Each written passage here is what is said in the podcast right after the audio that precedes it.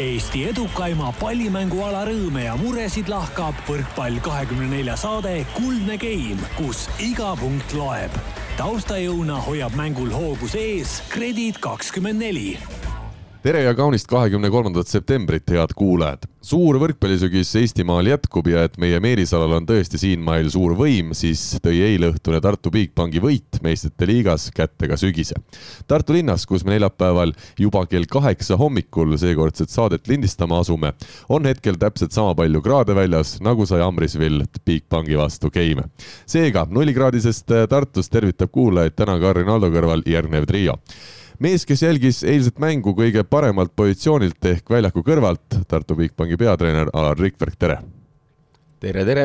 teiseks mees, kes jälgis mängu Alarist umbes kümmekond meetrit eemal ehk ETV stuudioekspert Kristjan Kais, tere Kristjan! tere hommikust! ja meie ja kolmandaks siis mees, kes jälgis mängu publikust, paarikümne aasta tagune Tartu maakonna võrkpallimeister, võrkpallisõber Mihkel Uiboleht, tere ka sulle! tere! Ma ütlen, me oleme täna siin äh, Tartu Bigbanki võrkpalliklubi kontoris ja kõigil meestel esmakordselt saate ajaloos on arvuti ees lahti, kes teeb tööasju, kes vaatab niisama ringi ja Alar, Alaril on nägu natukene selline murelik, on vähe öeldud isegi, ta siin enne saadet ka kõvasti sarjas, et see statistika, mis teil eile klubi statistik tegi, et jälle on seal, ütleme pehmelt öeldes natukene vigu sees. no mõni kala on jah, et äh, ärge veel CEF-i kodulehelt eilset statistikat vaadake, et valedel meestel on plokid ja mõni on keset pallivahetust veel lisaserve pannud nähtavasti. Äh, Alar, me oleme sinuga seda rääkinud, et ega sina ütled, et tegelikult võikski statistikat ka meedia kajastada umbes kolm-neli päeva hiljem, siis kui te jõuate kõik need vead üles lugeda parandada ja, ära parandada, et enne ei olegi mõtet midagi avaldada või? no pigem ütleks äh, paar tundi hiljem, mitte väga paar päeva hiljem, et äh, mõistlik on numbrid oleks usutavad, vähemalt minu jaoks usutavad, võib-olla selline keskmine võrkpallifänn saab üldise pildi ette, et kes mitu punkti toob, aga aga väikseid äh, kalasid ikka meestel sisse tekib ja sellepärast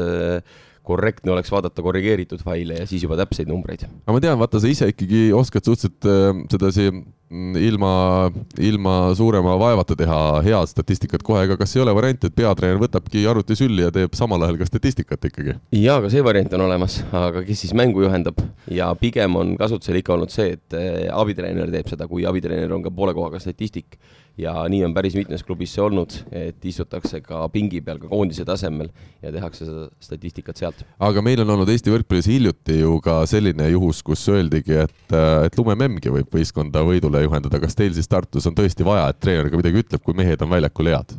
no võib-olla eile oleks lumemängu hakkama saanud, seda ei tea, aga on olnud aegu, kui tundub niimoodi, et mehed mängivad nii hästi, et tõesti võiks ükskõik kes seal olla Kristjan, lähen mina pärast eilset äh, suurt ja toredat mängu äh, Tartu Ülikooli spordihoonest välja ja mida ma kuulen ja näen, ilutulestik Tartu linnas. kas teil nii käibki, et, et võistkond mängib eurosarja ikkagi nii harva, et ja kui tuleb veel võit ka, siis panebki kogu, kogu linn kohe peo käima? no ei mängi harva, meil lihtsalt Tartus on raha rohkem ja, ja, ja noh, loomulikult sina tuled sealt vaesest pealinnast, et seal ei ole nagu väga midagi. aga meil on see ilutulestik tavaline asi, et äh, tavaliselt noh, nädalas neli-viis korda ikka lastakse ja noh, eriti kui satub veel mingi spordimäng olema, noh siis see on selline lihtsalt käi, Karl, tihedamalt Tartus. ma käin tihedalt, ma enne ei olnud küll kogenud, aga ju siis olin vale päeval sattunud. ühesõnaga raha lastakse õhku, lihtsalt ei ole seda enam kuhugi panna, kõik on nii hästi no kõik on korras jah, et sa võib-olla Aktuaalset Kaamerat ei näinud eile, aga seal räägiti, et noh, meil üks sild vajab parandamist ja et ega siis eh, noh, prioriteedid on paigas, nagu näed tuleme Mihkli juurde ka, nagu sai sissejuhatuses öeldud, eh, ikkagi Tartumaa võrkpallimeister, kas tänava peal, Mihkel, on nii, et, et Tallinnas saad rahulikult käia, kui Tartusse tuled, siis ikkagi inimesed peatavad ja paluvad autogrammi selle paarikümne aasta taguse ilusa saavutuse eest? loomulikult, loomulikult. Ikka Rüüt tänavat pidi on raske käia, aga tegelikult see Äh, ma just tahtsin öelda, et eurosarja on äh, Tartus isegi üks jalgpalliklubi kunagi mänginud, see on väga kummaline juhus, et äh, kas oli kaks tuhat neliteist, kui ma peast ütlen, kui toona esiliigas mänginud või isegi esiliiga B tasemel ehk siis tugevuselt kolmandas liigas mänginud Tartu Santos jõudis läbi karikavõistluste finaali koha eurosarja ja mängis Tamme staadionil, see oli üks tore tore üritus Tromsø Norra klubiga, et see ei läinud nii hästi kui, kui eelmine mäng. aga sa vihjad sellele, et ega ka Tartu Bigbank natuke juhuslikult jõudis, et ei ole nagu päris tegelikult klubi nii kõvast klassist, et eurosarja üldse peaks mängima? peaks iga aasta mängima, ma arvan. aga tuleme selle küsimuse juurde, hakkame kohe sellest mängust rääkima. Alar, seitse aastat möödus ajast, mil Tartu võistkond viimati võrkpallis mängis eurosarja kas oli see pikk paus siis vajalik, eile, eilne pakkus ju võrkpallisõppedele nii palju emotsioone ja näed, Mihkel tuleb, eks ole, kell kaheksa hommikul. ma arvan, et ta oli juba, ta ei läinudki magama, ilmselt tal oli nii suur veel elevus sees sellest toredast mängust, et, et selliseid emotsioone võiks iga aasta inimestele pakkuda. loomulikult võiks, aga eks eeldus ongi see, et eh, selleks peaks olema vastaval tasemel võistkond, kellega seda eurosarja mängida. no nii tagasi mõeldes oli ka eelmine aasta tegelikult olemas selline võistkond, kellega oleks võinud mingis eurosarjas kaasa lüüa aga eurosarjas mängimise eelduseks on ka varasemalt kätte võidetud koht mm, mingis sarjas osalemiseks ja teiseks kindlasti oluline ka eelarve, mis võimaldaks äh, rahvusvahelisi mänge mängida. millal sa ütlesid Alari Jõesaarele, et nüüd tuleb meistrite liigasse minna, oli see kohe pärast äh, seda, kui te olite Eesti meistriks jõudnud? ei olnud nii, aga kevadel ja suvel need arutelud olid, kui nüüd päris aus olla, siis äh, päris mitme mängija puhul on see ka argument läbirääkimistel, kui sa kedagi Tartusse kutsud või, või mängima meelitad. et eh, üks inimene, kes ise kohe küsis selle kohta, oli Martti Juhkami, et kas kas ta küsis võrkpalligrupis või, või eravestluses? ei, ta küsis ikka otse nii minu kui meie mänedžeri käest, et kas Tartul on plaanis eurosarjas mängida, selge on see, et sellise kaliibriga mängumehel, kes juba aastaid on osalenud meistrite liigas ja teistes sarjades, on ka huvi jätkuvalt seda teha ja ta ei olnud ainukene, et eh, ka omadel noortel eh, tekkis soov täiendavaks väljundiks. et kui nüüd mõelda mõne mehe peale, kes siin koduliigas omajagu on mänginud, näiteks minu vend, kellel siin kakskümmend aastat julgelt juba täis on, siis need näod muutuvad igavaks, iga aasta tuleb mõni legionär juurde, võib-olla mõni noor lätlane, võib-olla mõni noor eestlane, aga nendesamade meeskondadega päevast päeva, aastast aastasse mängida on mõnevõrra igavam ja, ja sellepärast oli eilne eriline, et tõesti tuli vastu täiesti eh, võõras punt ja täiesti võõrad näod no tuletame meelde kuulajatele, kes noh, ma küll ei kujuta ette, et kas meid võib tõesti kuulata ka mõni inimene, kes ei tea veel mängu tulemust, aga, aga igaks juhuks olgu öeldud, Tartu Bigbank alustas siis meistrite liigat, äh, maailma üldse tugevaimat äh, võrkpallisarja. kindla kolm-null võiduga kodus Šveitsi klubi Amrisvilli üle ja geimides andsime siis külalistele kakskümmend, kakskümmend kaks ja kakskümmend üks punkti. Kristjan, küsin sinu käest sellise küsimuse, et kas noh, olen siin ise ka võrkpalli kahekümne neljas äh, tublisti uudiseid teinud viimastel päevadel enne mängu, mängu ajal, tuleb ka mängu pärast mängu neid uudiseid. kas me natukene meedias nagu paneme üle ka sellega, et ütlemegi, et meistrite liiga nii ja naa, sest tegelikult on meil tegu eel, eelringiga alles. Äh, või sa ütled, et meistrite liiga ongi ikkagi eriline asi, ükskõik, kas sa mängid eelringi, eel-eelringi või oled põhiturniiril ma arvan, et ei pane üle, et ma arvan, et seda tulebki võimendada ja tähtsustada seda enam, et äh, vähemalt siinpool, kui nüüd tõsisemalt rääkida, siinpool ju ei mängita seda liigat nii tihti ja, ja Tartu ja, ja meie võistkonna jaoks on see suur asi. et äh, ei pane ja, ja ma olen enamusi su lugusid, kui mitte kõiki ka lugenud ja, ja sain sealt ise ka väga palju infot, nii et aitäh sulle selle eest, et sa selle eeltöö nii-öelda ära teinud ja, ja see oli abiks ka eile selle mängu vaatamisel, et noh, võib-olla mis seal kajastuses nagu nagu silma hakkas, mida me eestlastena kipume tegema, et me kipume nagu vastast väga palju kiitma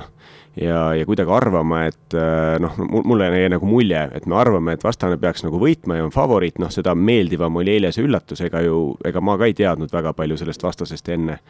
ja lähtusingi võib-olla Marti Juhkami ja, ja sinu tehtud nendest nii-öelda ülevaadetest, aga, aga noh, mängupilt eile vähemalt äh, näitas hoopis vastupidist, et äh,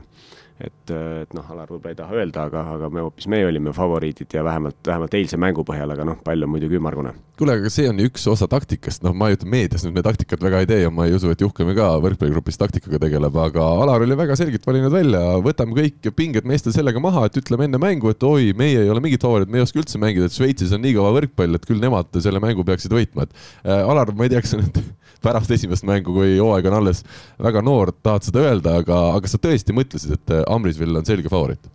Äh, kas just selge, aga jah, ja kui sa räägid Šveitsi võrkpallist, siis väga palju šveitslasi väljakul seal ei olnud ju. et meil olid ikkagi korralike võrkpallimaade mängijad ja meil olid seal serblased, sakslased, äh, kreeklane ja nii edasi, et kas ta just nii selge favoriit oli, aga vaadates nende meeste äh, kogemusi, klubisid, kus nad on mänginud, seda võrkpalli, mida nad on mänginud, siis eh, noh, raske oleks puhtalt Eesti poistest kokku pandud eh, punti favoriidiks pidada meistrite liigas äh,. ei ole usku sinusse, ma vaatan ikkagi Eesti on võrkpalli. usku, aga seesama, mida sa mainisid, ega see on mõningane treeneri taktika. ühelt poolt oma meestelt pingeid maha võtta, teiselt poolt äh,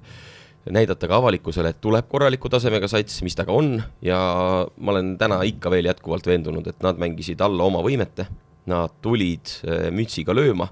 neil rünnak üldse ei klappinud, nende kogenud kvaliteetne sidemängija tõstis viis palli lihtsalt üle meie poole, et selliseid asju väga tihti ei juhtu ja kui vaadata neid sõprusmänge, kas või kui nad võidavad Friedrichshafenit, mis siis, et sellel võistkonnal on paar meest puudu, siis seal oli mängu kvaliteet parem, mäng voolavam ja kas see oli reisiga seotud, võõra saaliga seotud, aga nad kindlasti ei mänginud oma taset välja. no mina näiteks tean veel ilmselt sügavamini neid põhjuseid, miks näiteks vastaste sidemängija Dima Filippov ei panigi üle osad tõsted meie meestele. tema vanaema on nimelt sündinud Valgas, nii et kui ma tega, temaga pärast mängu intervjuu tegin, et mis juhtus, siis ta esialgu ütles üldse, et oo, Valga ja mul vanaema siit pärit ja et Eesti ikka tore riik ja olen käinud palju ja tulen jälle hoolimata kaotusest, et äh, selline Äh, turism on ka ikkagi tähtsal kohal. Äh, no võib-olla tõesti tuligi siia äh, nii suurte pingetega, et tal olid rohkem pingeid kui kodupubliku ees mänginud Tartu Bigbanki meeskonnal võtame Mihkli ka mängu, sina oled Jalgpalliliidus ka neid meediaasju ajanud, tundub, et Alari siis see taktika nagu õigustas, et mitte ainult äh, Alari ei pannud meeskonda uskuma, et, et ongi vastane favoriit ja, ja mängime pingevabalt, vaid noh, ma tunnistan ausalt, ka mina ikkagi oma lugudes lähtusin natuke Alari sellest mõttekäigust ja hakkasin ka uskuma, et kui ei tule null-kolm, saame ühe game'i kätte, on hästi. Tuli esimene game, olin juba õnnelik, tuli teine game, olin väga õnnelik, punkt käes ja tuli kolmaski ära ja, ja nii neid mänge võidetakse. ja kui sa vaatad ju ainult seda skoori, siis lõpuks võiks öelda, et selline noh, lihtsamakoelisem äh, Eesti-Läti liigamäng, kus siis võtad siukse enam-vähem kiire kolm-null, et päris sihuke tund ja duši alla ei olnud, aga, aga enam-vähem sinnapoole, aga, aga loomulikult see see pinge ehitamine selleks, et meeskond kokku võtaks, et see on ju ka oma mängijatele selline sisekõne, et, et mehed saaksid aru, et on väga tähtis ja vastutusrikas mäng ja et siin sõltub noh, erinev, erinevus liigamänguga on ju väga suur, et siin sõltub kahest mängust kõik. Ja sa peadki ennast nagu maksimaalselt kokku võtma ja sa peadki vastase noh, sa ei saa mõelda hetkekski, et, et vastane on noh, kuidagi, kuidagi liht-, lihtsakoelisem, et siis, siis tuleb kohe see karistus kätte, et selles mõttes taktika taktika osa kindlasti on see, see on, ma arvan, ka oma võistkonnale, et, et eh, noh, rahvas tuleb eh, sellega kaasa mingit pidi, aga just oma võistkond võtab ennast kokku rohkem, sest et noh, ma ei usu, et kelleski eh, tekitab see sellist tunnet, et oh, et me ei saa vastu, vaid pigem tekitab see just sellist sportlikku viha ja sellist kontsentreerumist, et me, me saame vastu ja me näitame, et me ei ole siin nii-öelda, et hoopis meie oleme favoriidid. et see toimis hästi, et aga ma olen nõus, et ega mäng ju veel läbi ei ole, et teine mäng on ees ja. ei no ja... esimene mäng ikkagi on läbi, ma nii palju, ma vaata spordisõbrana peab ikkagi rõõmustama ka. isegi kui me saame teise, las ma, las ma nädal aega naudingi, las ma olengi õnnelik nädal aega, et jess, Tartu võitis meistrite liigas. ja see oli minu arust väga hea mäng eile, et selle üle ma rõõmustasin eile saalis ja rõõmustan praegu ka ja lihtsalt noh, küsimus selles, et see vastane, vähemalt mulle tundus sellisena, et kui kaotada keskendatus, et siis äh, kuna seal on, äh, nagu Alar ütles, rahvusvahelise kogemusega mängijaid ju palju, et nad on võimelised vastu nõelama, võib-olla erinevalt siis sellest äh, nii-öelda suva, nimetust Läti võistkonnast, keda on lihtsam kolm-null võita, aga selle oma natuke keskmisest kehvema mänguga, et siin on lihtsalt, vastane on, on võimeline, ta näitas seda ka, et ju teises ja kolmandas game'is oli eduseis mingil hetkel päris suur ja nad tulid seal kas kahe punkti kaugusele ikkagi järgi, et seal noh, Tartu lõpuks mängis oma, oma ära, aga, aga nad on võimelised tagasi tulema mängu, kui sa natuke lased ja annad seda võimalust no ma olen võtnud nüüd statistika ette, hakkame natukene seda mängu analüüsima põhjalikumalt, ma tean küll, Alar, peaksid panema kõrvad kinni, sest ma loen ette neid numbreid, mis, mis tema tubli statistika eile tegi ja mis siis kuuldavasti väga tõele ei vasta, aga noh, suures plaanis vähemalt kirjas on algkoosseisus mehed, kes tõesti algkoosseisus väljakul olid ja nii edasi. meie resultatiivsem oli siis Albert Hurt kuueteist punktiga pluss üksteist. Ja ütleme, Alberti üle oli minul ikkagi eriti hea meel, sest see, kuidas temal see EM-finaalturniir lõppes ja, ja kuidas see üldse tema jaoks välja nägi, see oli talle endale raske, ma kujutan ette, aga seda oli ka kõrvalt raske vaadata, et ta ei saanudki oma seda mängu käima, nii nagu me siin saates oleme öelnud, et temal nüüd õnnestus kohe esimene mäng ametlik klubis äh, hästi äh, oma mäng käima saada. Kristjan, kas sul ka Alberti, ütleme, mängu üle on hea meel? No mitte ainult Alberti mängu üle, et mul on kõigi mängu üle hea meel ja noh, mis eriti silma hakkas eile seal mängus, äh, jätame need numbrid siis rahule, ma arvan, et Mikk tegi oma tööd nii hästi, kui ta oskab ja, ja kindlasti noh, kindlasti väikseid vigu ikka kõigil sisse tuleb, aga äh, Tartu nurgad minu arust olid nagu selgelt, mängisid üle šveitslaste nurgad, et, et seal ei ole nagu noh, või võib-olla, mis mulle tundus mängu ajal, eks Alar kindlasti oskab täpsemalt öelda selle kohta, aga mis mulle tundus, et, et Šveitsi plokk ei, ei saanud nagu hakkama, et seal tuli palju plokivigu sisse ja see andis omakorda Martile ja Albertile seal enesekindlust, et noh, ja, ja ka Eermal oli igale poole tõsta, ehk siis noh, tal oli nagu need võimalused olemas.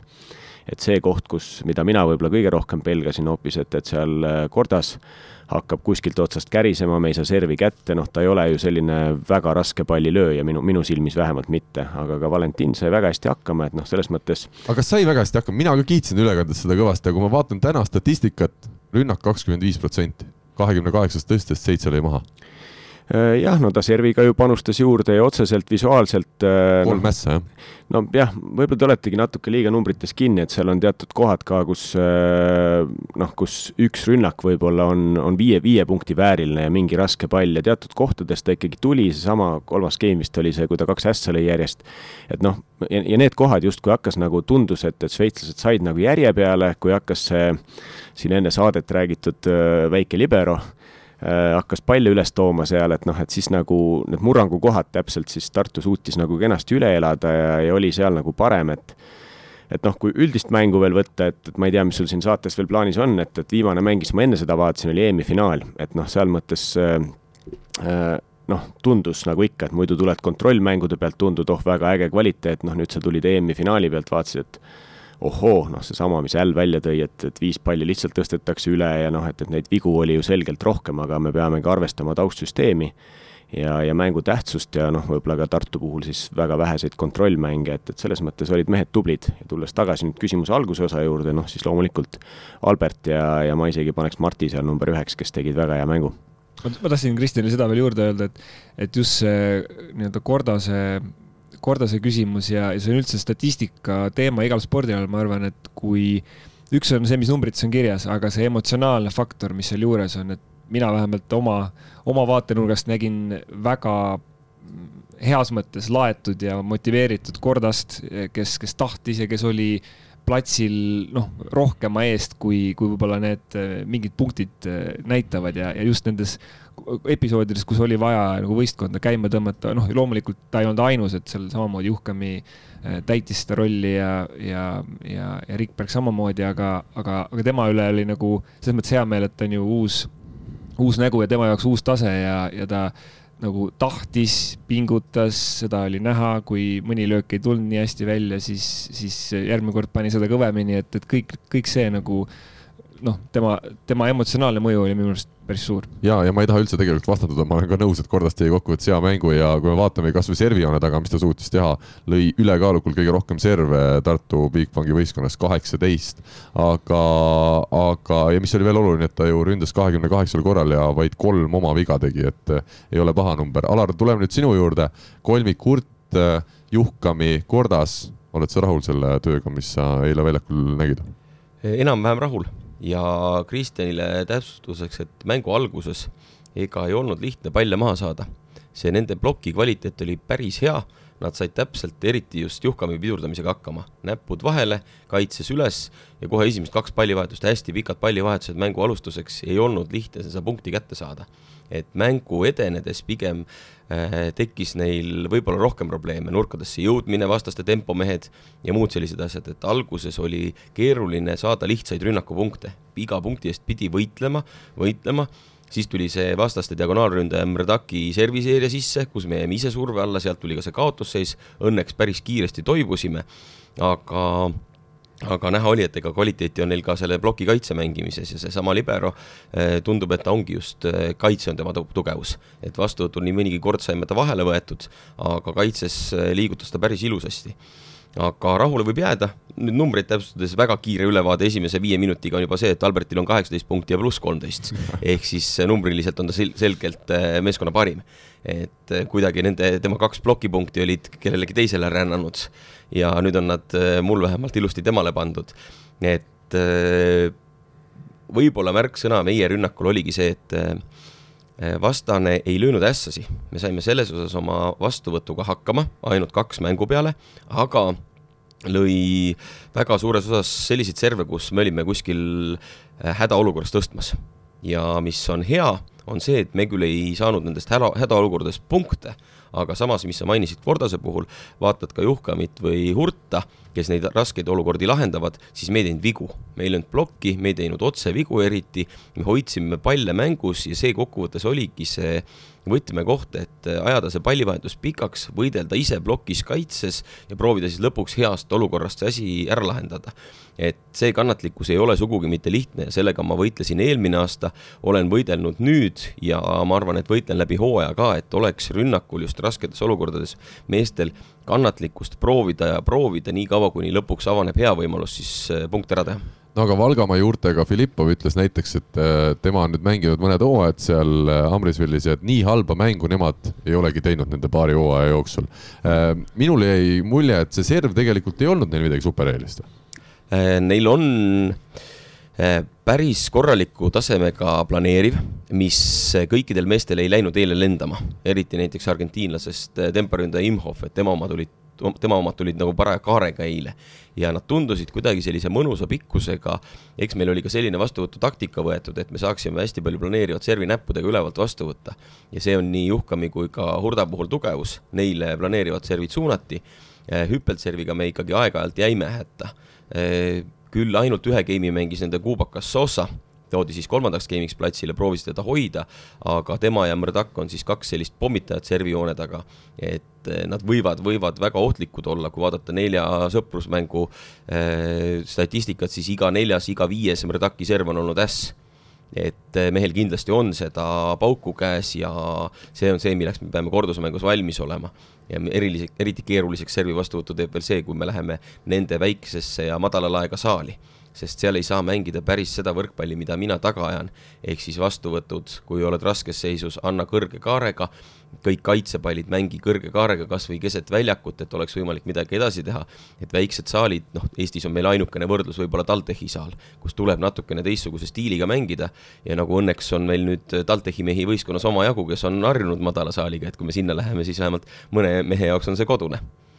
Kristjan, küsin sinu käest järgmise küsimuse siin äh, me oleme rääkinud nendest äh, põhimeestest, äh, kas,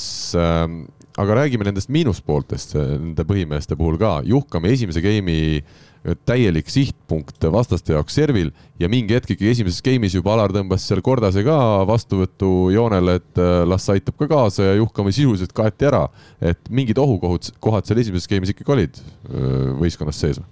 No oli jah, ega ma ütlesin seda ülekandes ka eile, et, et minu arust see alguse esimene pool game'i oli mõlemalt poolt väga närviline, et kõigepealt hakkasid ju puterdama vastased seal oma, oma vigadega, oli vist niipidi, ja siis äh, tartlased tegid järgi, noh, see, ma ei nüüd ei ütleks Kalerile, et see Mrdaki serv nagu eile väga kõva oli. ja, ja minu arust noh, kolmas game nad natuke üritasid serviga juurde panna et äh, aga üldiselt nende serv oli ikkagi pehme minu arust, kui ma nüüd õigesti mäletan, peale teist game'i oli, sul oli ka paberid ees, oli kas kaks või kolm viga ainult servil. et seda oli väga vähe. Ja siis nad üritasid servile riski juurde tõmmata, noh, selle Soossa tulekuga see natuke muutus, aga, aga siis oli juba hilja, et äh, nõrgast, nõrk, nõrkade kohtade pealt jah, ega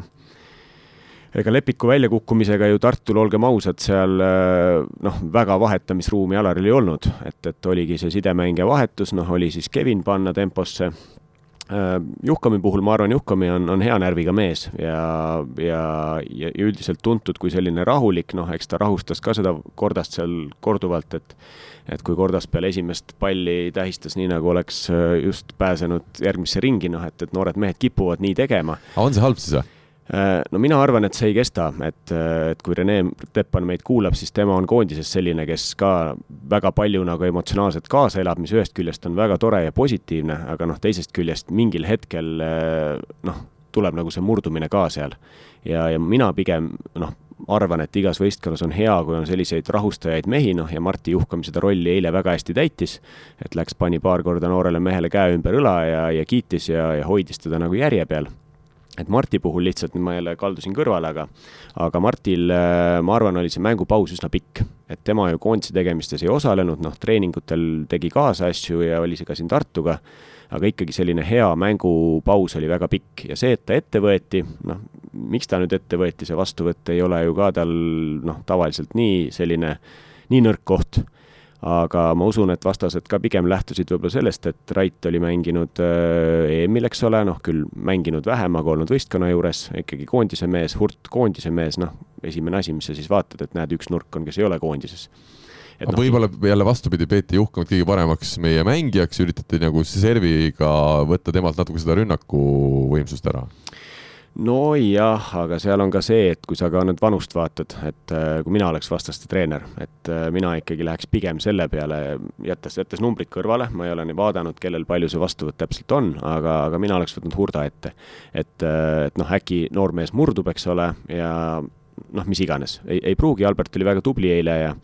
aga ega teda serviga väga surve alla ka ei pandud. aga Marti Kosus, noh, see esimene game, sa seal ütlesid mulle ka, et, et Martil oli kehva vastuvõtt lõpuks need numbrid paranesid ja,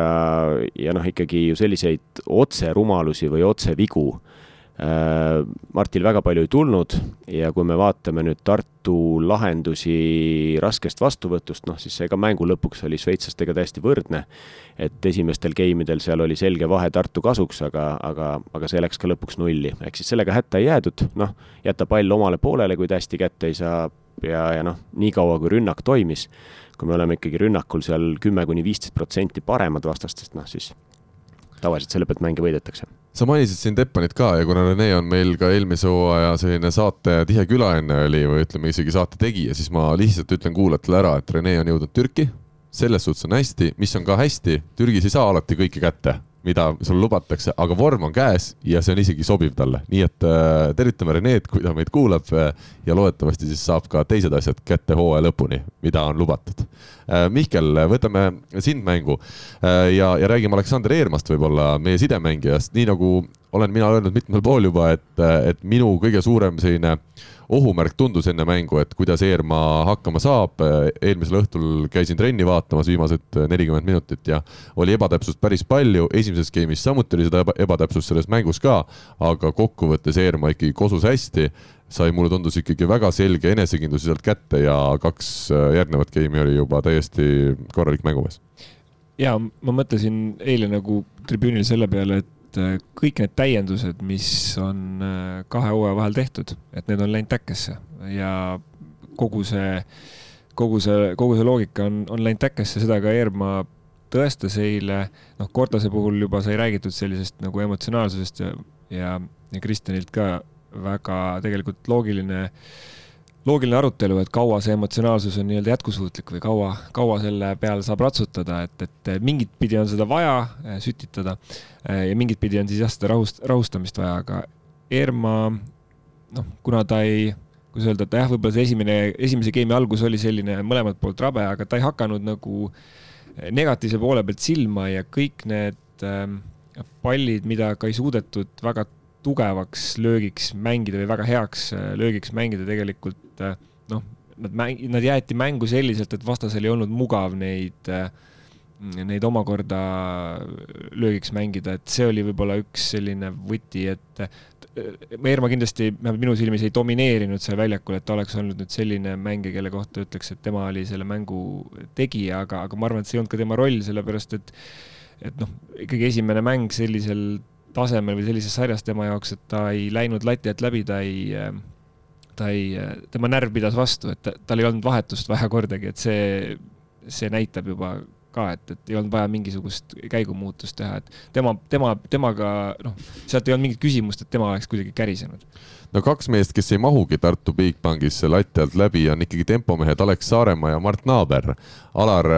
ma küsin sinu käest äh, selle temporündajate seisukohta ka, kas äh, kas eile lõpuks ikkagi ka noored, noh, ma ei tea nüüd Mart Naabert vist enam nooreks nimetada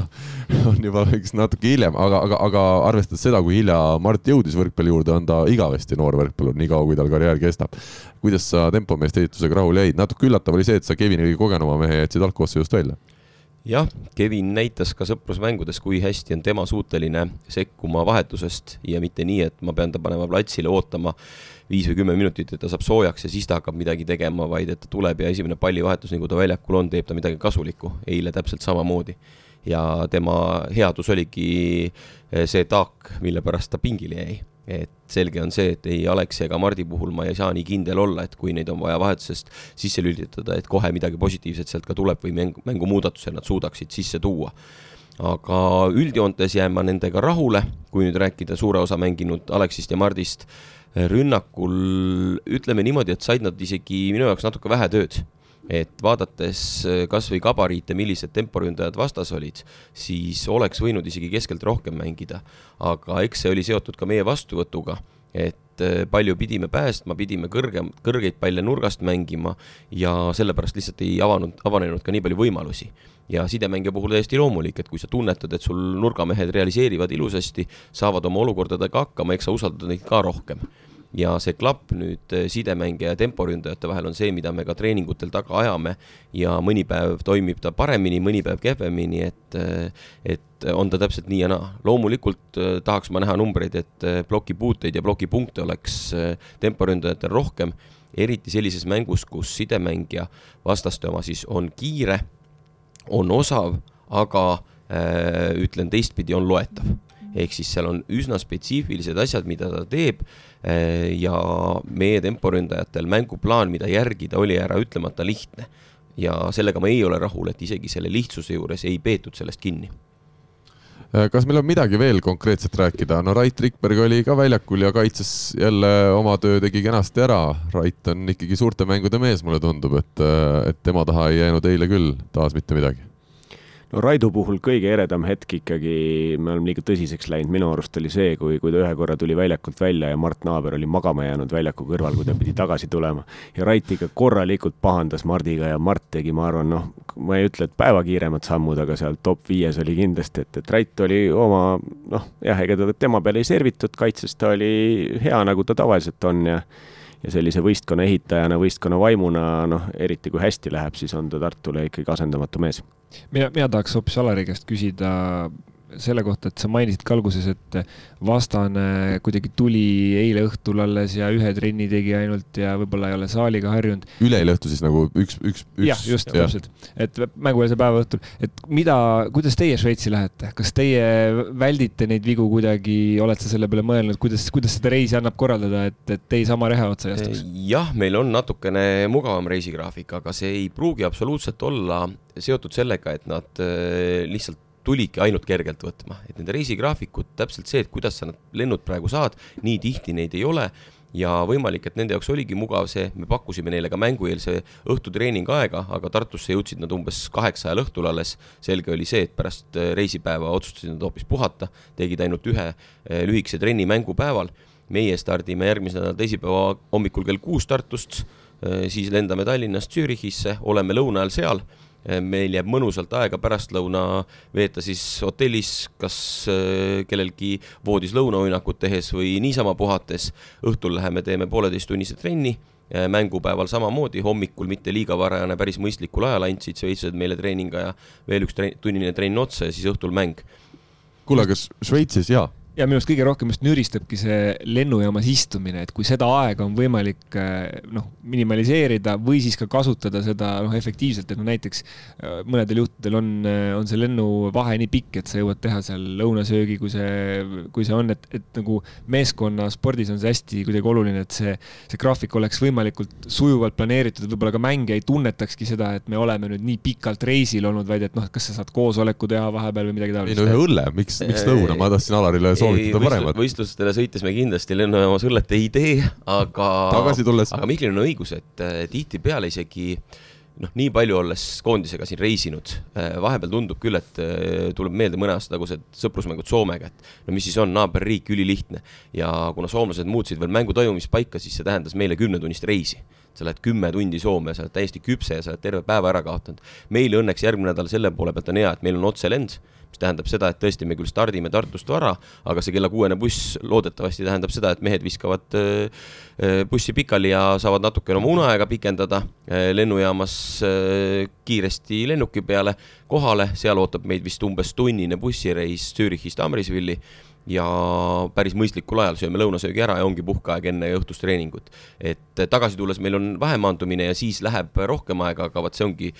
pigem siis natuke rohkem panustada aega sellesse reisimisse tagasi tulles, kui siis võistlusele minnes. üks rutiin tuleb sul tõenäoliselt murda, et kui sa käisid nüüd enne eilset mängu seenel siin selleks, et pingeid maandada, siis Šveitsis ma ei tea, kas seenemetsad oled juba järgi vaadanud, kus nad on? ei ole informatsiooni selle kohta, aga, aga see seenelkäik minu jaoks on selline mõnus äh, rahulik mediteerimisaeg ka, et äh, noh, küll eelmisel korral natuke segasid seda intervjuud ajakirjanikega, aga samal ajal ma sain rahulikult seeni edasi korjata. ehk saak oli päris arvestatav ja, ja ei ole hullu, et käime Šveitsis ära, tulen tagasi ja kui päris külmaks pole läinud, eks ma jälle seenele tagasi lähen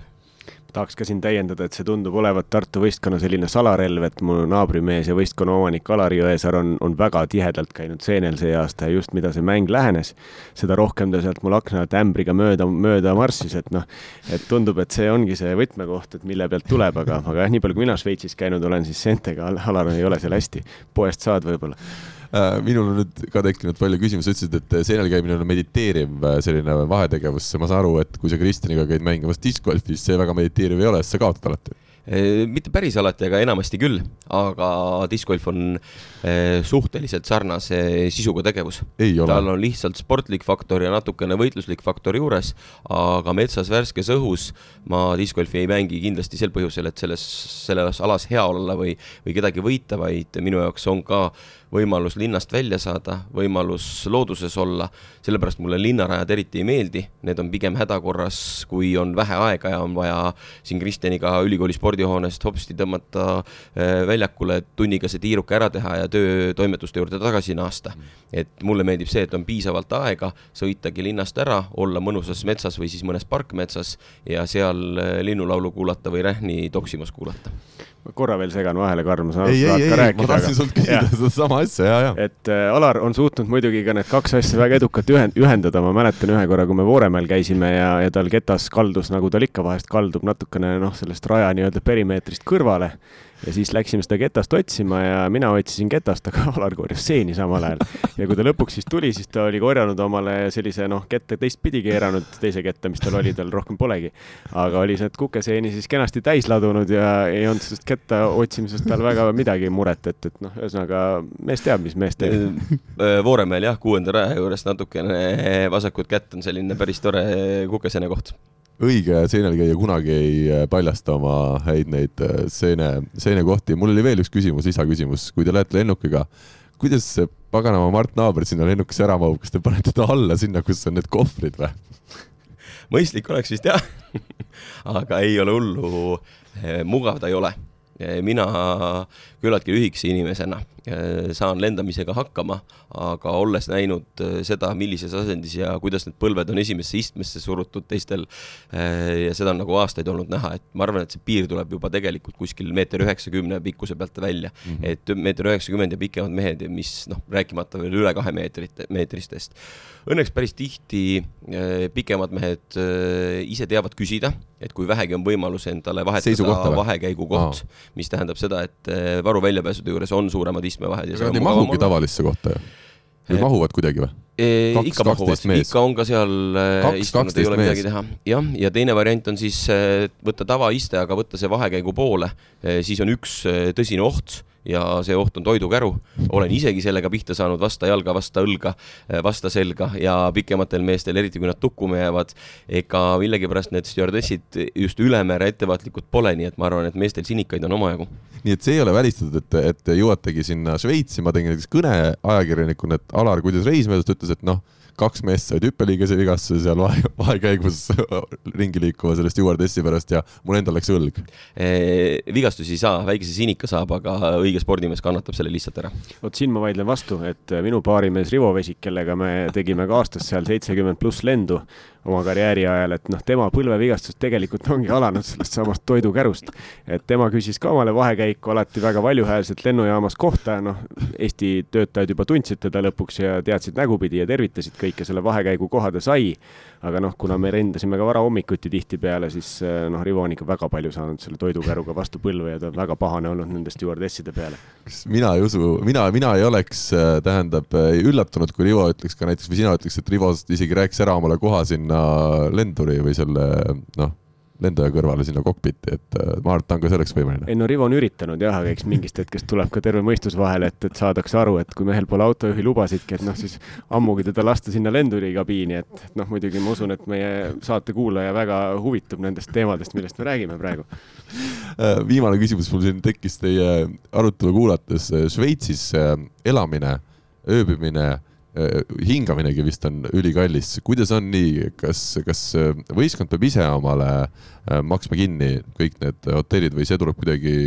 külalis või siis selle, kes võõrustab nende poolt? jah, peab isegi maksma ja see ongi täpselt nii, et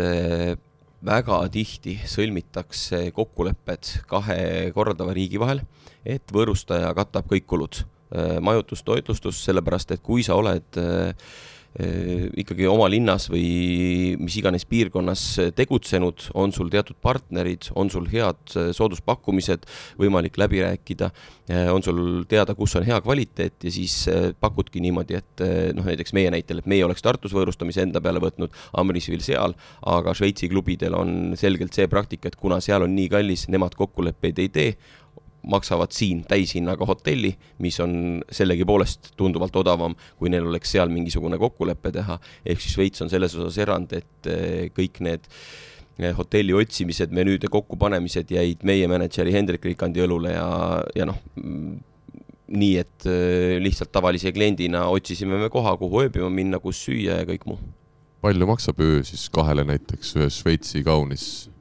hotellis. jään sulle vastuse võlgu, ei ole Hendriku käest seda küsinud mm.. ma Hendrik eile mängu ajal ka nüüd ülihea tujuga ei olnud, kuigi te võitsite, eks tal ilmselt need numbrid veel jooksid eh, silme eest läbi, mis ta oli just maksnud nende hotelliarvete eest, mis, mis ees on ootamas. ma arvan, et kui sa tabasid ta sellisel võib-olla mitte kõige rõõmsamal toonil ja kõige värskemana, siis põhjuseks olid need möödunud päevad, kui ta eh, sisuliselt ööpäev läbi tegeles selle mängu ettevalmistamise ja korraldamisega ja rääkides pärast mänguga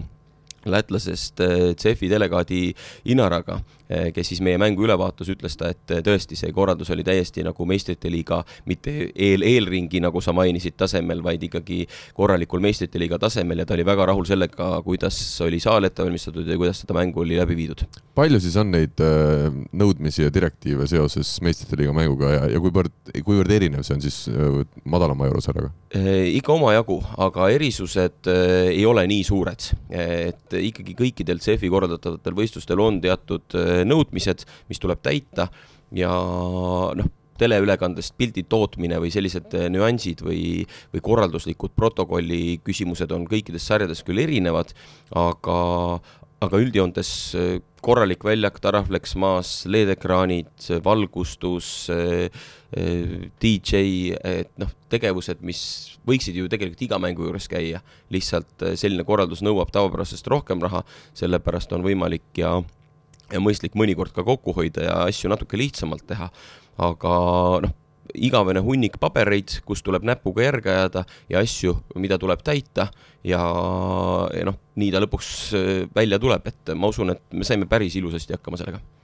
Kristjan ja, ja Mihkel, kui me nüüd vaatame seda teekonda, äh, meil on ees ootamas üks mäng Ambrisvilliga, nädala pärast siis Šveitsimaal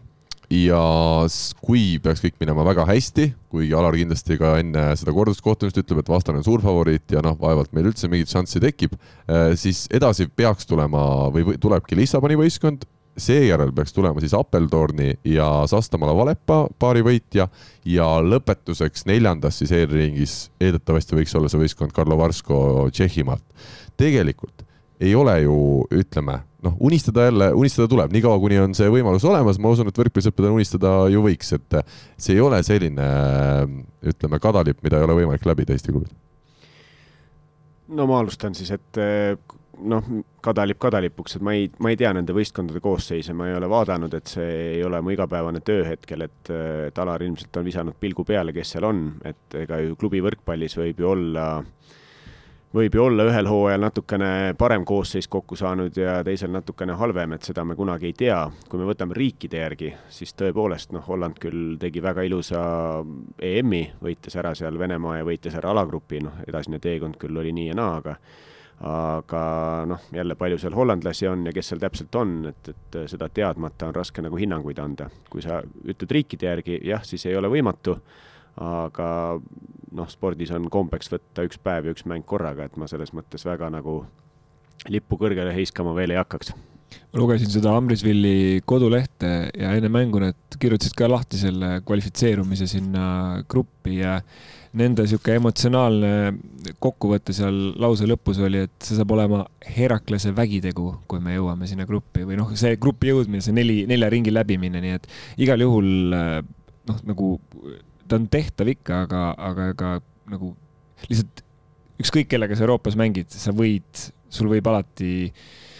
Eh, juhtuda midagi, et eh, sa pead neli korda õnnestuma järjest ja see on võib-olla kõige suurem, et see pinge on kogu aeg peal, sõltub kõik sellest kahest mängust, et see on kõige raskem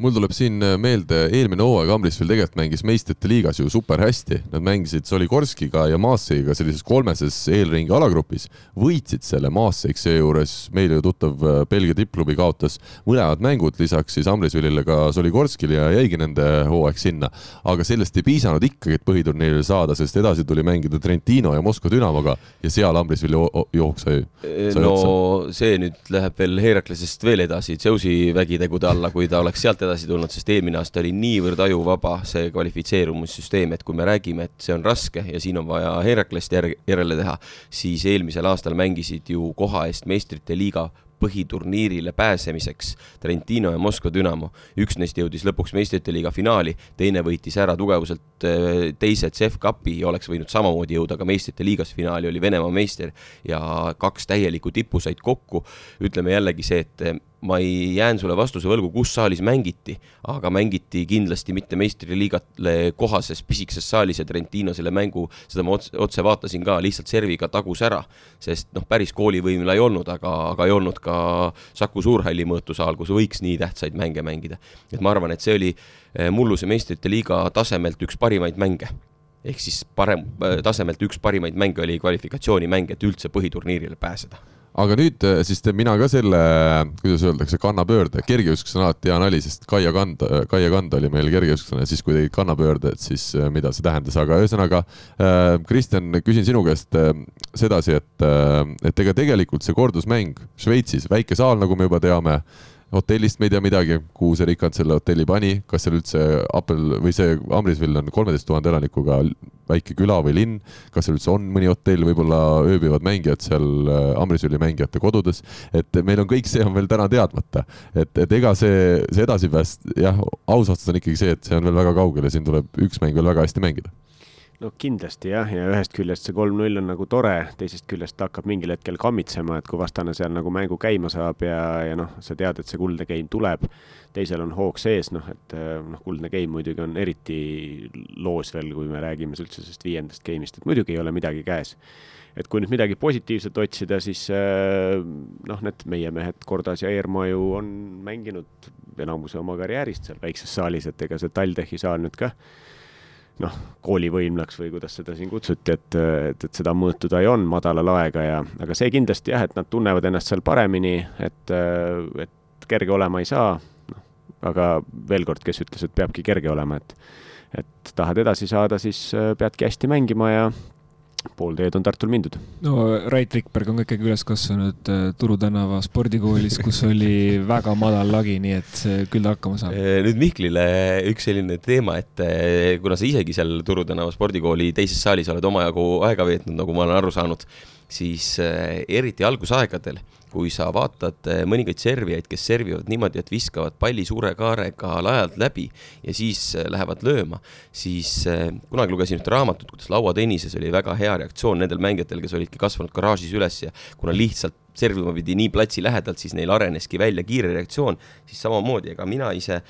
mu vend ja kui algusaega Kristo Kollot, Oliver Vennot, kui nad veel rohkem seal pisikeses saalis olid, vaatad, siis nemad õppisid ka hüppelt servi kahelt sammult, sest lihtsalt äh, sein oli vastas ja kolme sammu pealt enam servida ei olnud võimalik, sest äh, siis tuli juba joon ja astusid üle ehk eh, see saal võib-olla tingibki mingisugused oskused ja refleksid ja Raidu puhul minesed ja tema kiire tegutsemine, sest et seal polnud aega, et kui pall kaitsest kuhugi lendas, ta jõudis enne vastu seina lihtsalt, kui sa kiiresti ei reageerinud. ma tooks siia ühe mõõtme veel, et, et noh, see Turu tänava väikesaar, aga meil oli kunagi Jõsel Foodsis ja hiljem siis Tartu pereleivas mängis niisugune mees nagu Madis Hünerson, et tervitame teda siinkohal ja, ja tema on ikka teinud sellise tempo ära, et kui me Viljandis mängisime Viljandiga finaalseeriat ja noh, ta oli teada-tuntud niisugune noh, viiskümmend protsenti servimees umbes, mitte et tal kõva serv oleks olnud, aga see väljak kippus jääma nagu nagu väikseks vahest ja siis talle treener andis kindla käsu, et löö nüüd serv üle.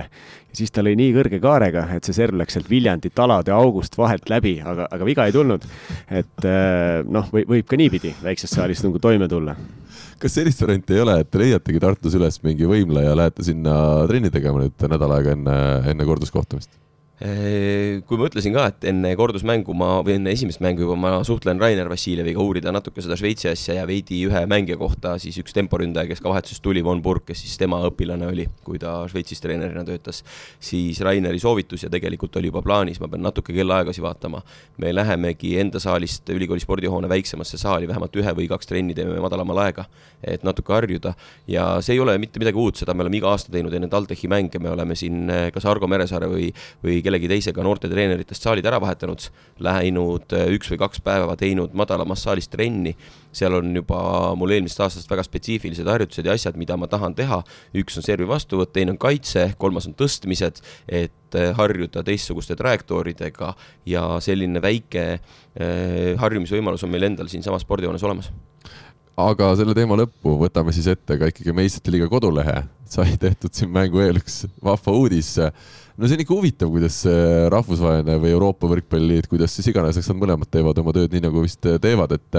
kuidas nad antikajastavad oma sündmusi. ma vaatasin meistrite liiga kodulehel, viimane uudis oli enne siis Tartu ja Amrisvili hooaja avamängu meistrite liigas, oli kahekümne viiendal juunil, kui selgusid loosi tulemused, et vahepeal oli seal kolm, kolm kuud sellist pimedust ja tühjust ja, ja kui me võtsime lahti selle nii-öelda match center'i või mängu siis keskuse eesti keeles, äh, siis seal sai vaadata, kes on kohtunikud, seal sai vaadata, kus mäng toimub ja lisaks sai seal hääletada siis, kes mängu võidab, kumb võistkond ja et kes on suurim punktikütt, aga seal punktikütiks siis suurimaks sai valida ainult kolme meest, kahte, kahte Šveitsi klubi mängijat, üks neist oli veel teine sidemängija ja ühte Tartu Bigbanki võistkonna liiget, Siim Päidi äh,. Alar, miks sina ei usu Siim Päidi nii kõvasti, nagu usub äh, meistriga siis koduleht äh,? uskusin küll ja kui oli võimalus hääletada, siis mina Siim Päidi poolt ka hääletasin. väljakule ta ei jõudnud, punkte ta ei teinud ja sellest kolmest, kolmesest valikust ainult üks mees ju siis platsile sai ja, ja kuigi, kui ma need numbrid sulle ette võtan, ma võin kohe vaadata, see oli vist see äh, nurgaründaja Zeller, keda ja. pakuti üheks võimaluseks, siis tema eilne punktisaldo jäi meil täpselt selliseks, et rünnakul sai maha kahe kuueteistkümnest pallist neli, üks plokk juurde ehk siis viis punkti ja efektiivsus miinus üks, et noh, põhimõtteliselt kümnes koht no, seda õigusjärjestuses. ja Siim Päidi efektiivsusnäitaja oli null, nii et parem ei, kui Selleril. just. ma siinkohal ütleks, et Siim ikkagi ei teinud ühtegi viga hoidis nii-öelda mänguplaanist kinni, tundub. aga tegelikult see on ikka kurb ju, hakkab meistriliiga hooaeg pihta ja mitte midagi ei ole. sina vaatad seda mis paistab väljapoole, aga sama kurb on see, mis paistis sissepoole. ehk see, kui me rääkisime võistluse korraldamisega seotud regulatsioonidest, siis Hendrik Rikand ütles väga õigesti, et tundub, et kogu see CEF on talveõunes ja kõik tegelesid EM-i korraldamisega. meile alles viimastel päevadel tulid noh, puht reegleid ja mängu läbiviimist äh, tule äh, nagu selgitavaid juhiseid ja need tulid päev või kaks enne meistrite liiga algust. samad inimesed siis tundub kõik, kes Ongi, teevad EM-i ja kõik, kes olid EM-iga seotud, lõpuks ärkasid, aga nad võtsid kõike seda üsna lihtsalt, ma arvan, sellepärast et kui palju seda meistrite liigat praegu Euroopas toimub täpselt see üks mäng oligi ju meistrite liiga avapauk, nädala pärast tuleb teine mäng. no naistel mitte... läks ka ühe mänguga käima ja, siin. ja mitte ükski teine võistkond ju veel ei mängi, et neil on aega ja selle ühe mängu pärast tundub, et noh, et teeme EM-i ära ja küll eh, need oma üks-kaks mängu ära peavad ja siis läheb nagu sisuliselt see asi toim-, toimima. kuule, aga ma küsin Mihkli käest ära, ma kasutan võimalust, kas sa kujutad ette, et hakkab jalgpalli meistrite liiga hooaeg ja esimesed eelringid ja viimasest äh, uudisest on meistrite liiga kodulehel möödunud kolm kuud. ma ei kujuta seda kindlasti ette et ähm, see on, noh, see on hoopis kaks eri maailma, et sõna meistrite liiga, sõnapaar meistrite liiga justkui eeldab mingisugust kvaliteeti, aga Just. tegelikult äh, kui sa võrdled erinevaid spordialasid, äh, võttes, ma ei tea, käsipalli või võrkpalli või korvpalli või, või jalgpalli, et siis see on hoopis teine teema, et noh, korvpallis meistrite liiga ei ole kõige kõvem turniir, eks ole. Äh, ütleme, jalgpallis ta on, võrkpallis samamoodi, et et aga jah, see, see standard on, on kardinaalselt erinev, et noh, jalgpalli näitel, et sul on enamik mänge lihtsalt kaetud äh, kasvõi telelepingutega, et sa ei saa, noh, siin ei ole mingisugust variantigi, et ähm, et ja või no nagu näiteks ka äh, meistrite liigasse kvalifitseerumine, et selle aasta kevadel pani UEFA paika järgmise aasta kohad, enne kui selle aasta eurosarja pihta hakkas, oli juba teada, kes järgmises eurosarjas osalevad ja kes mitu kohta, mis riikidest saavad. et see on see vahe, aga jah, kuna ma võrkpalli seda korralduslikku poolt seest ei tunne, näen ainult väljaspoolt, siis ma ei taha siin nagu väga midagi, midagi öelda, et see kõlaks kuidagi võib-olla selliselt nagu ühe ala inimene kritiseerib teise ala tegevust, seda, seda muljet ma kindlasti ei jäta. kui me jõuame nagu Euroopa alaliidu tasemele, siis äh, sul on täielik õigus seda teha, ehk siis äh, asi on mäda. Mitte midagi pole öelda ja see tase, kuidas CEF töötab, ei ole kindlasti sellise organisatsiooni vääriline ja ei ole asi kinni rahas ainult. Et ta on piisavalt rikas organisatsioon, loomulikult tal ei ole selliseid miljoneid jagada nagu võrk äh,, nagu jalgpallis klubidele toetuseks ja kõike muud seda teha. aga see on piisavalt võimas, suur ja rikas organisatsioon, kes võiks oma asju korraldada hoopis teistsugusel tasemel, kui nad seda teevad. ja sellest me oleme Karliga ka mitu korda omavahel rääkinud just, et sellest raha teemast, et väga palju on asju, mis on kinni rahas, aga ma ütleks, et veel rohkem on asju, mis, mida saab teha ilma rahata, et suhelda ja, inimestega, rääkida, et needsamad uudised, et noh, see ei käi kellelegi nagu üle jõu ja seesama, et, et see näitab, palju sa seda ala nagu ise seestpoolt äh, hoolid sellest või, või kui loogiline süsteem on, et see omakorda toodab ju mingisuguse pildi nagu, nagu väljapoole. jah, ega võrkpallis ju tõesti väga osavalt teatud rahalised kohustused pannakse ka korraldaja ehk klubi õlule see, et äh, oleks sul internetis või ka mujal telekanalites, kasvõi meie selle eilse mängu ülekanne, meil on ju kohustus toota pilti, äh, seda jagada, anda, mitte müüa isegi ja võimalus seda jaotada kasvõi üle maailma oleks olemas ja nii on kõikidest mängudest tegelikult pilti toodetakse ja see kohustus pannakse äh, korraldaja õlule ja noh, sellest kuhugi jõuda, noh, kuni selleni välja, mida see kodulehekülg endas sisaldab, et noh, päris ausalt ütlen, et natuke piinlik see on natuke see teema, et äh, oma ala äh, võib, äh, on ta siis näiteks profispordiala või on ta harrastusspordiala, oma ala võib ja, ja, ja see on isegi, ma ütleks nagu noh, loogiline, et oma ala nii-öelda suureks rääkimine, see ei sõltu sellest, kui, kas ta on profisport või kui palju ta isegi publiku mõttes vastu kajab, et see on, see algab sellest nagu ala sees tegutsevatest inimestest, et kui nemad noh, kajastavad, et eh, isegi kui mängijad näiteks ei saa palka mingites klubides ja nii edasi, et ikkagi võib ju nendega teha lugusid, küsida, analüüsida nende mängu, et see kõik, eh, see omakorda nagu tugevdab seda ala sisemiselt, et eh, inimesed tahavad ka lõpuks siis vaatama tulla, et kui sa näed, et need inimesed teevad selle nii suure nagu põlemisega, et et see on just see ilma rahata tegemise juures hästi oluline. aga meil on täna saate selline, ütleme, aeg on piiratud, sest Kristjan läheb eh, varsti ülikooli, küll mitte õppima enam ammu, vaid teisi õpetama Äh, Mihkel läheb Tallinnasse koosolekule täna ikkagi keskpäeval, miks me üldse kell kaheksa alustasime, et siin olid oma põhjused ja Alar läheb koju siis magama vabal päeval, et meil on kõigil omad selged põhjused, miks on vaja minna edasi saatega ja võtta ette järgmine teema. kes võidab keda, kas sina oskad ennustada seda? spordiennustus portaalis Pahv, Pahv lööb pahviks. nii ja Pahvi ennustus äh, siis mängu äh, osa on meil kätte jõudnud. väga lühidalt äh, ütlen ära, et Alar Rikberg eelmises saates siis ennustas kaks asja õigesti, väga lihtne oli, pani siis favoriitide peale EM-finaalturniiril võrkpallis, et Itaalia võidab Saksamaad, Sloveenia võidab Tšehhit, nii et sai natukene raha juurde oma kõvast miinusest. uibaleht Mihkel eesnimeks ennustas, et Flora viigistab konverentsiliigas siis alagrupi kohtumise Gentiga kaotasime null-üks ja sa lootsid ka, et Tšehhi üllatab ikkagi EM-il uuesti Sloveeniat, aga nii ei, ei läinud, nii et sul kohe esimese nädalaga ma pärime su ikkagi mitte sõpradele, vaid eraldi, kuna sa hakkad meil tihedamini käima, nii et kahesajast eurost sai siis maksimaalne miinus, mis on võimalik ühe saatega saada, ehk siis saja seitsmekümne peale. jumal tänatud, nagu ma ütlesin, et ma ei ole endiselt ühtegi spordiennustust oma elus teinud ja ma põhimõtteliselt ei tee, et, et see on siin suur erand, aga jaa, mul on hea meel, kui mul rahast lahti saan kiiresti Andres Toobal äh, siis äh, sarnaselt Alarile arvas, et Itaalia ja Sloveenia võidavad EM-il äh, seal veerandfinaalis, sellega ta pani pihta, aga siis hakkas Andres võtma sõna hokieksperdina, ennustas, et Soome kõrgliigas lõpeb Pelicansi ja Jugurite duell normaalajal siis viigiseisuga, aga Pelicans võitis selle mängu kuus-kaks. nii et Andresel tuli ka natukene miinust kokkuvõttes ja, ja mina siis ennustasin, et Saksamaa üllatab Itaaliat või, või võidab, aga Itaalia, me teame, lõpuks tuli Euroopa meistriks, me jõuame sellest ka rääkida. Kristjan hoiab peast kinni, kuidas üldse keegi sai sellist asja ennustada Kristjan põhimõtteliselt läks praegu meil kontorist siit välja. no piinlik on jah? on piinlik ja no ma, mina pakkusin Itaaliat ja Poolat finaali suht alguses juba ja ma sain oma sõprade käest vastu päid ja jalgu, kui, kui Sloveenia neljandat korda järjest siis Poolale välja lükkas, aga, aga Itaalia lõpuks jah, tegi oma ära. no me jõuame EM-ist rääkida, see on meil eraldi plokk, aga ütlen siis lõpetuseks ära, et loomulikult, kui nagu rääkisin eelmises saates, kui Liverpooli peale ennustada jalgpallis, siis äh, tuleb raha kohe müdinal ja loomulikult nad AC Milani võitsid, küll see mäng oli väga põnev, kolm-kaks lõpuks, aga sealt sain siis midagi juurde ja samuti ma nägin ikkagi ette ära väga selgelt, et Soome käsipalliliigas võidab Cox Dickenit.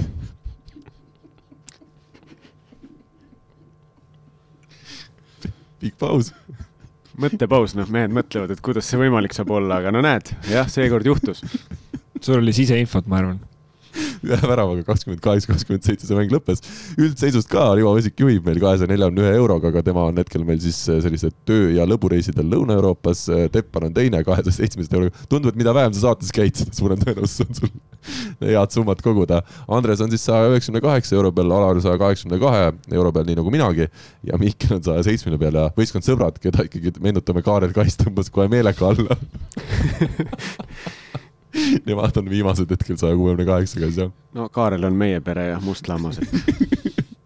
nii, Kristjan, alustame sinust, kas sa oled midagi välja valinud, meil on siis kolmkümmend eurot, sina oled meil võistkond sõbrad ikkagi. Või paneme eraldi, me veel seda mõtleme, aga, aga oled sa midagi huvitavat leidnud? ole ja täpsusta nüüd, mis ma tegema pean üldse. kolmkümmend eurot mänguraha on meil igas saates, see on selline tõesti visuaalne, seda me tegelikult kuskile ei pane, olgu siis äh, öeldud ka võrkpallisõpradele, aga ükskõik mida vaatad, äh, ütled meile koefitsienti, ütled mängu, mille peale sina näed, et äkki võiks... keegi teine alustab, ma ei ole kunagi elus PUFFi lehel käinud ega kunagi elus ühtegi spordimängu niimoodi raha peale ennustanud, et ainult oma mänge? Ei ole sedagi? ei, ei, no oma mängud jah, kui ma teadsin, kuidas lõpeb, siis loomulikult, aga sealt, sealt need varad tulidki alustame siis, Alar, sinust. jah, ega see valik on Ataki ja võrkpalli, mida ma muidu siin olen saates proovinud äh, panustada, väga ei lubatagi. seal on siis... see, et seal tuleb äh, alles vist äh, päev või kaks tihti enne, enne mängu algust tulevad ja. need panused, seetõttu jah, me ei saa näiteks järgmise nädala mängule panna, et Tartu võidab jälle kolm-null. ei saa panna, aga paneme siis Itaalia seeria A jalgpalli peale. nii?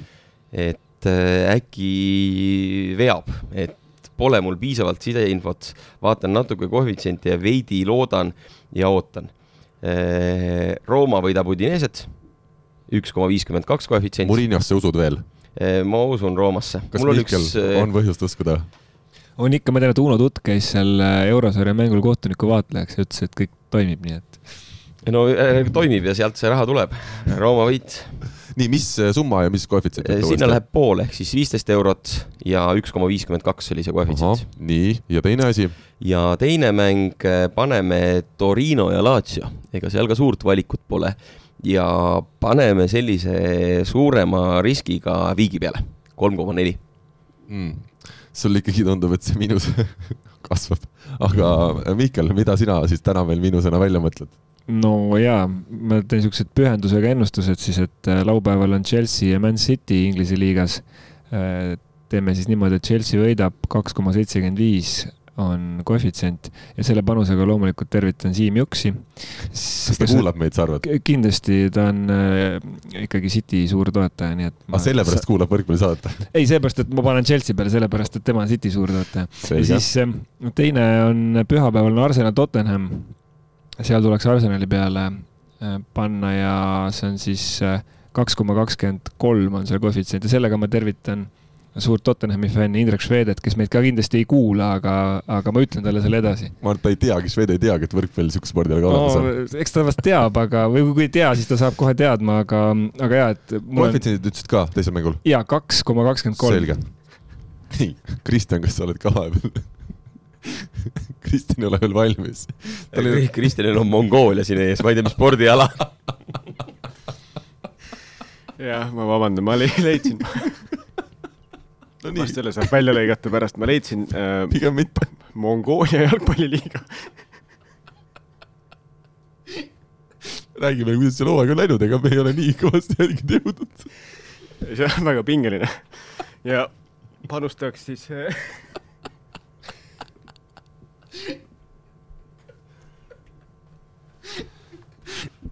no nii, kes keda tundub, et Kristjan ei panusta. Kristjan läheb praegu puhkama natukene, aga ma üritan siis ise midagi välja mõelda ah,. mina ikkagi näen jälle, et, et Liverpool võidab mulle tundub see, nad nädalavahetusel mängivad, kellega nad mängivad, kas sa Mihkel vaatasid, mul millegipärast Inglise liigat, ja mul oli ka Mongoolia ees praegu. Jaa, ma vaatasin küll, oota, aga mul ei jäänud meelde, see oli mingi väga lihtne vastane neil.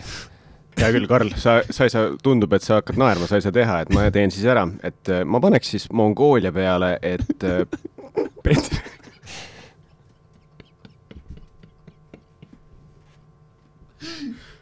et BCH Lions võidab Ulan-Batar Cityt mul on Matar City, noh. ja teine mäng oleks siis, et äh, Palestiina liiga Palestiinas ka mängud jälle käivad, jah et võidab Hagafi Tulkar Albiref Instituuti, et noh, niisugune. no see on eesatav. seal on, ei, vastupidi, seal on suht võrdsed panused, et äh, kaks koma kaheksakümmend seitse ja kaks koma kakskümmend viis. et küll selge, noh, Mongooliast te kõik ju teate, et BCH Lions on selge favoriit. on, on. kes siis veel, mis see koefitsient seal Mongoolia liigas oli ka ja ütleme need ära, et siis ma tean kirja panna. ja neli pool on siis BCH Lionsile pandud ja Ulan-Batar City koefitsient on üks koma viis, et et seal lähme kindla peale, paneme sinna kakskümmend ja noh, kuna see Palestiina liiga on selline ühtlasem, siis paneme sinna kümme. selge, väga hea, noh ikkagi tuleb jälgida, tuleb jälgida laias maailmas toimuvat. ja ma saan öelda, et Mongooliaga küll Eesti koondis pole veel mänginud, jalgpallikoondis, aga Palestiinaga oli meil väga lähedal maavõistlus ükskord, nii et see tuletas mulle seda meelde nii, aga mina siis panen äh, Liverpooli võidu peale, nädalavahetusel mängivad kellega? Äh, Brentfordiga. noh, igal juhul. üks koma nelikümmend seitse. võõrsil mängivad, kindel võit, ma panen sinna kakskümmend eurot, siis mul on nii-öelda tagatud see, et ma miinusesse kindlasti ei jää. ja noh, ma, ma leidsin lihtsalt, et äh, Soome jäähokiliigas mängivad IFK ja TPS ehk siis äh, turu, turupalloseura ja, ja see on küll üks niisugune põnev mäng, mida kindlasti me kõik neljakesi, ma usun, hakkame vaatama. see mäng on, ongi juba täna neljapäeva õhtul kell kaheksateist kolmkümmend ja ma usun, et, et noh, mis ma usun, ega seda ma ei tea, aga, aga ütleme siis, et TPS äh, turupalloseura üllatab ja, ja võidab võõrsil selle mängu. koefitsient kolm koma kuuskümmend viis, mina panen sinna kümme eurot. nii et meil on see äh, selline tõsine rubriik jälle läbitud ja läheme edasi oma saatega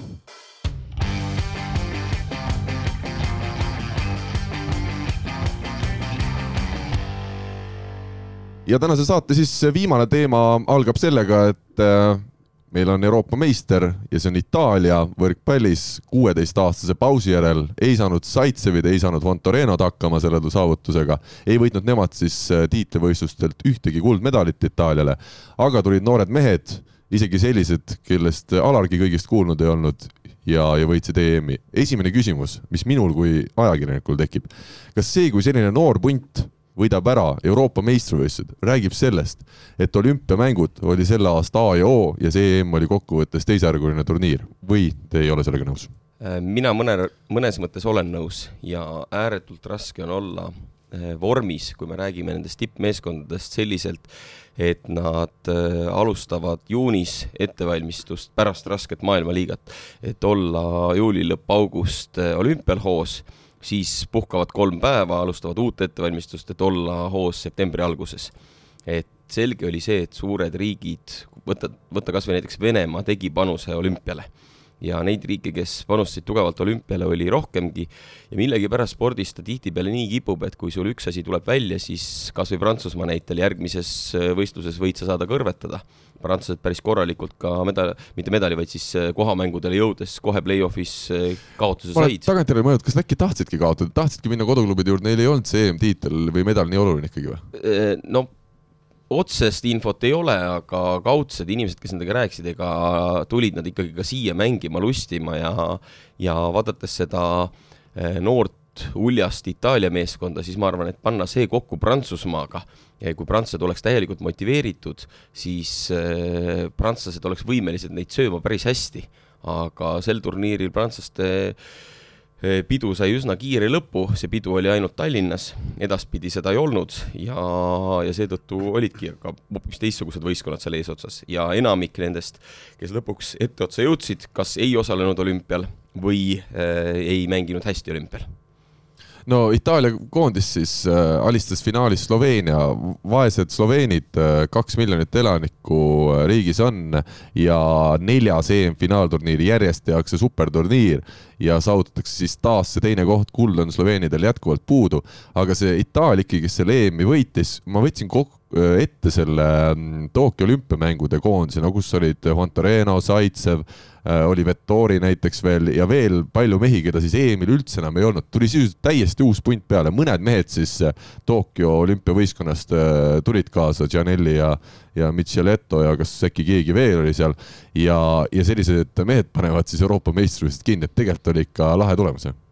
absoluutselt. Ja ega, ega Itaalia tegelikult mängis väga hästi ja mängis väga emotsionaalselt. Ja, ja noh, ma absoluutselt ei ole nõus ka selle väitega, et Prantsusmaa meelega midagi kaotas, et, et sellel tasemel spordimehed ei lähe kunagi kaotama. ja, ja noh, see oli kummaline mäng, see Tšehhiga mäng, kui nad kaotasid, et seal ju tegelikult tehti minimaalselt vahetusi, et, et uh, uus peatreener siis äh, prantslaste poolt vaadates ikkagi lootis nagu meeletult äh, nende vanade tegijate peale, aga, aga eesotsas nende liidri Capetiga, kes, kellel oli no tõesti väga halb päev selles mängus, et teda kordagi välja ei vahetatud, noh, ühesõnaga et, et võib-olla ka natuke see, et, et on pingelangus ja natuke see, et treener noh, on nii vähe veel ametis olnud, et, et võib-olla see mängis seal kätte, aga Itaalia jah, et olen nõus, et kui oleks võib-olla äh, kohtunud seal, no ma ei tea, mis nad Poola vastu näiteks teinud oleksid, et, et ja, ja Sloveenia vastu nad ka ju finaalis jäid kaks-üks taha ja, ja noh, viies game äh, poleks seda Micheletto serviseeriat seal olnud või oleks seisul kolm-null äh, Sloveenid oma nii-öelda rünnaku maha löönud, neli-null ette läinud, võib-olla see mäng oleks teistpidi läinud. aga nagu spordis ikka, väiksed asjad loevad tipus ja ja Itaalia jättis väga sümpaatse mulje, noh ka lisaks sellele kõik need vahetused seal finaalis läksid täkkesse.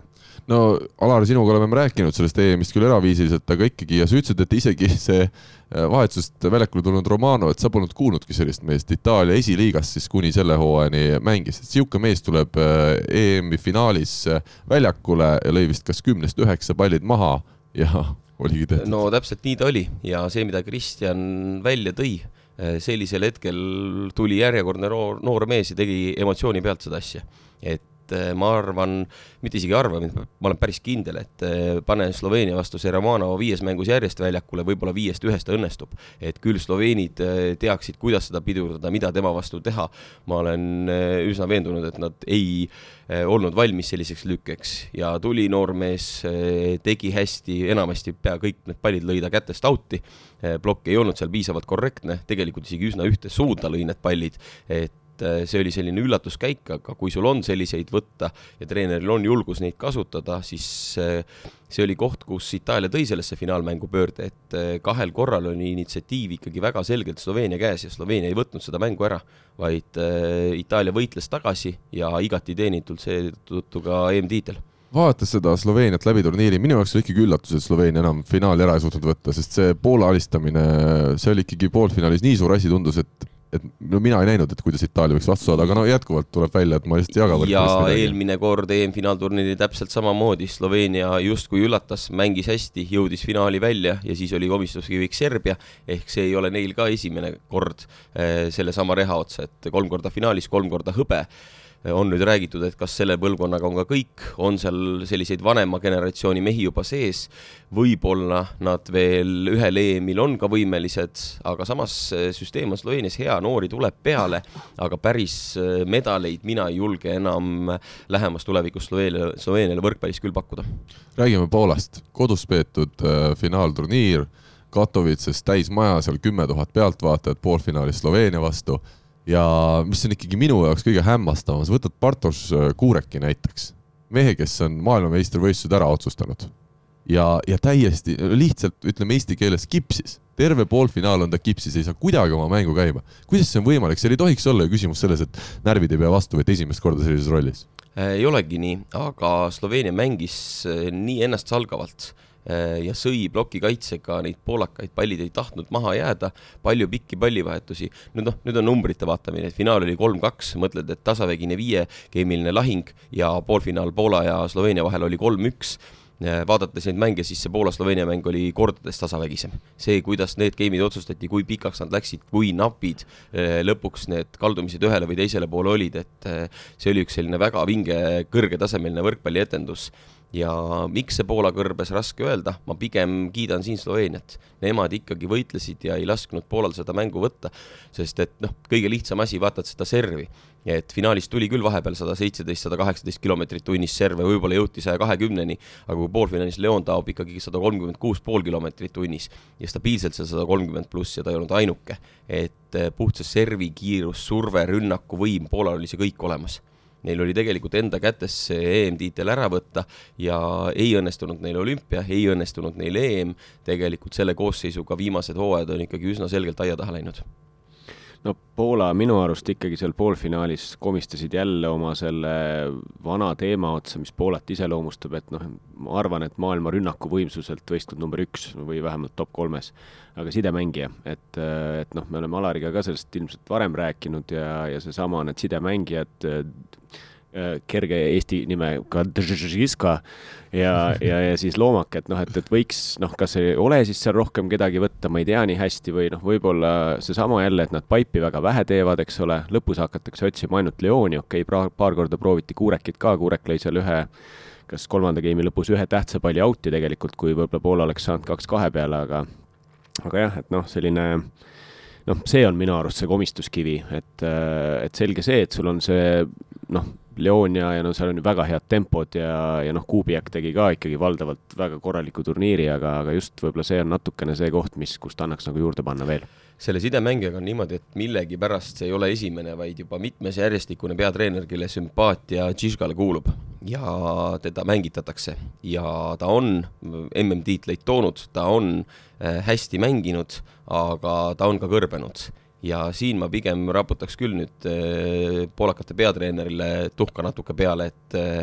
et äh, Lomatši väljakutele toomine oleks toonud hoopis teistsuguse käekirja ja ta ei julgenud teda mängitada. ja seal ei ole mitte mingit probleemi, et kuigi tal on madalam plokk, siis vastavalt sellele saab veidi kaitseformatsiooni ümber teha, ta võtab oma puuted sealt ära ja see ei saa otsustavaks, otsustavaks saab ikkagi tõsta kvaliteet, kui sul on selline rünnakuvõim olemas ja minu jaoks täiesti naljakas, kui sul on olemas sidemängija, miks sa ei kasuta. rääkides nüüd Poola teistest potentsiaalsetest sidemängijatest, siis selliseid noori eh, järeltulijaid on katsetatud, on see Komenda, võib-olla tulevikus Jaanus, et eh, on neid mehi, aga nad on ka kõrbenud ja ma arvan, et ühtegi, kes oleks täna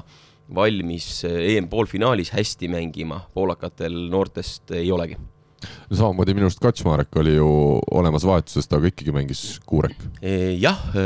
täpselt samamoodi, et igale positsioonile on tegelikult tuua, kui keegi jääb hätta, sest et valik on igale positsioonile päris suur seal Poolas ju kokkuvõttes olemas. ja treeneri stiil oli selline, et usaldan oma põhikoosseisu ja kuni see üks kaotus tuli, e, senikaua see süsteem toimis aga kui sa ei anna teistele üldse mänguaega, ega neil ka seda, nad ei ole nagu soojad ja nad ei ole valmis võib-olla isegi liituma hästi selle mänguga.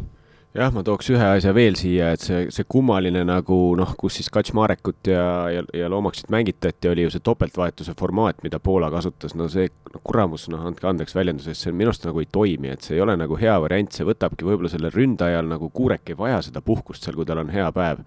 ja, ja teisest küljest noh, Alariga sada protsenti nõus, et kui ainuke teema on see ploki kõrgus, noh tegelikult ju Tšebulli tagus üle selle Držba rahulikult ära, et seal ei olnud ka mingit probleemi. et treener saab natukene asetusega muuta, nii et diagonaal jääb selle Tšebulli vastu, Urnaut ei löö nii kõrgelt, et noh, sul on võimalik nagu seal mängida ja noh, mul, mulle ka meeldib see väiksem sidemängija palju rohkem ja, ja noh, et et niikaua, kui võistkond võidab ja alagrupis seal ju võideti, üks mäng vist oli kolm-kaks seal Serbiaga, aga teised ju võideti kindlalt, ülejäänud ka, noh, niikaua asi toimib, aga nüüd raskel hetkel ongi järsku ja noh, selle otsa see Poola komistabki kogu aeg. no Giuliani juba Sloveenia koondise peatreeneri kohast äh, on siis lahti öelnud, tema ei jätka. samuti Poola peatreenerina ei jätka Vital Hainen, meile väga tuttav naljamees siit eelmiselt EM-ilt, tõesti lõbus selg, ma ei ole teist sellist treenerit näinud varem. Äh, Alar on küll võrreldav, aga ikkagi Alar suudab ka tõsist nägu teha. Haineni puhul on, äh, on keeruline kuidagi. aga Hainen ise samal ajal juba ütles, et järgmine EM vist on naistel Poolas, et oleks äge kohendada jälle Poolat ja nüüd siis naisi, aga kuna meil on tõesti ainult äh, mõned loetud minutid jäänud saate lõpuni, siis me võtame saate siis äh, täitsa sedasi püändiks veel ette kohaliku äh, sarja, mis on algamas, järgmine nädalavahetus siis Grade kakskümmend neli meistriliiga on algamas samamoodi nagu naiste meistriliiga meil ja Balti liiga. Ja Tallinna Selver võitis Tallinna karika kontrollturniiri finaalis TalTechi ikkagi väga kindlalt kolm-null kas see oli üllatav tulemus, arvestades, et äh, Tepp on läinud, Kollo on läinud, Raadik on läinud või samas, kuna TalTechil on kõik mehed uued sisuliselt ja Selveril ikkagi palju mehi jäi alles, suur üllatus see ei olnud? Ehm, minu jaoks ei ole siin üllatusega mitte midagi pistmist, tegemist on hooajaeelse treeningturniiriga ja meeskondade valmisolek, kes kui palju on kuus kuue vastu mänginud, kuidas mehed on trennis kohal käinud, seal on kindlasti päris palju juhuslikkust sees, et et äh, kui me oleks mänginud eile äh, Amrisvili vastu samal tasemel, nagu me mängisime sõprusmänge Selveri vastu, siis oleks me null kolm tunniga saanud, et äh, ma olen kindel, et nii TalTechil kui Selveril seal päris mängudeks on omajagu juurde panna. aga TalTechil on selgelt minu arust murekohad täna, Matei Schmidli vorm, no mees ei ole selgelt vormis, Kevin Saare servi vastuvõtt Rauno Tamme oli ebakindel veel, et seal on minu arust sellised, äh, sellised seisud, et ma ei näe, et see nüüd kohe pooleteist nädala pärast hakkab meeskond suurepäraselt mängima. jah, aga pooleteist nädala pärast ei olegi vaja TalTechil suurepäraselt mängida. Eestis on esimene tiitel, mis mängitakse välja, karikatiitel kahekümne teisel detsembril ja teine tiitel mängitakse välja ehk siis Kredit kakskümmend neli meistrite liiga veebruari lõpus ja kolmas Eesti meistritiitel aprillis et kõigil on aega atra seada omajagu. ja me teame Marti Keel ka, ega tema ka seal kontrollmängus nii palju nagu Facebooki vahendusel seda vaadata oli võimalik. ega need tõsted veel väga-väga head muljet ei jätnud, aga Marti puhul me juba teame, et tema on tähtsates mängudes tihti ikka teeb oma ära. Kristjan, mis mulje sulle need jõujooned jätavad hetkel? No vara öelda ka, täpselt nõus Alariga, et äh, teiseks on meil ju selline kurb seis, et, äh, et noh, valdav osa inimesi ikkagi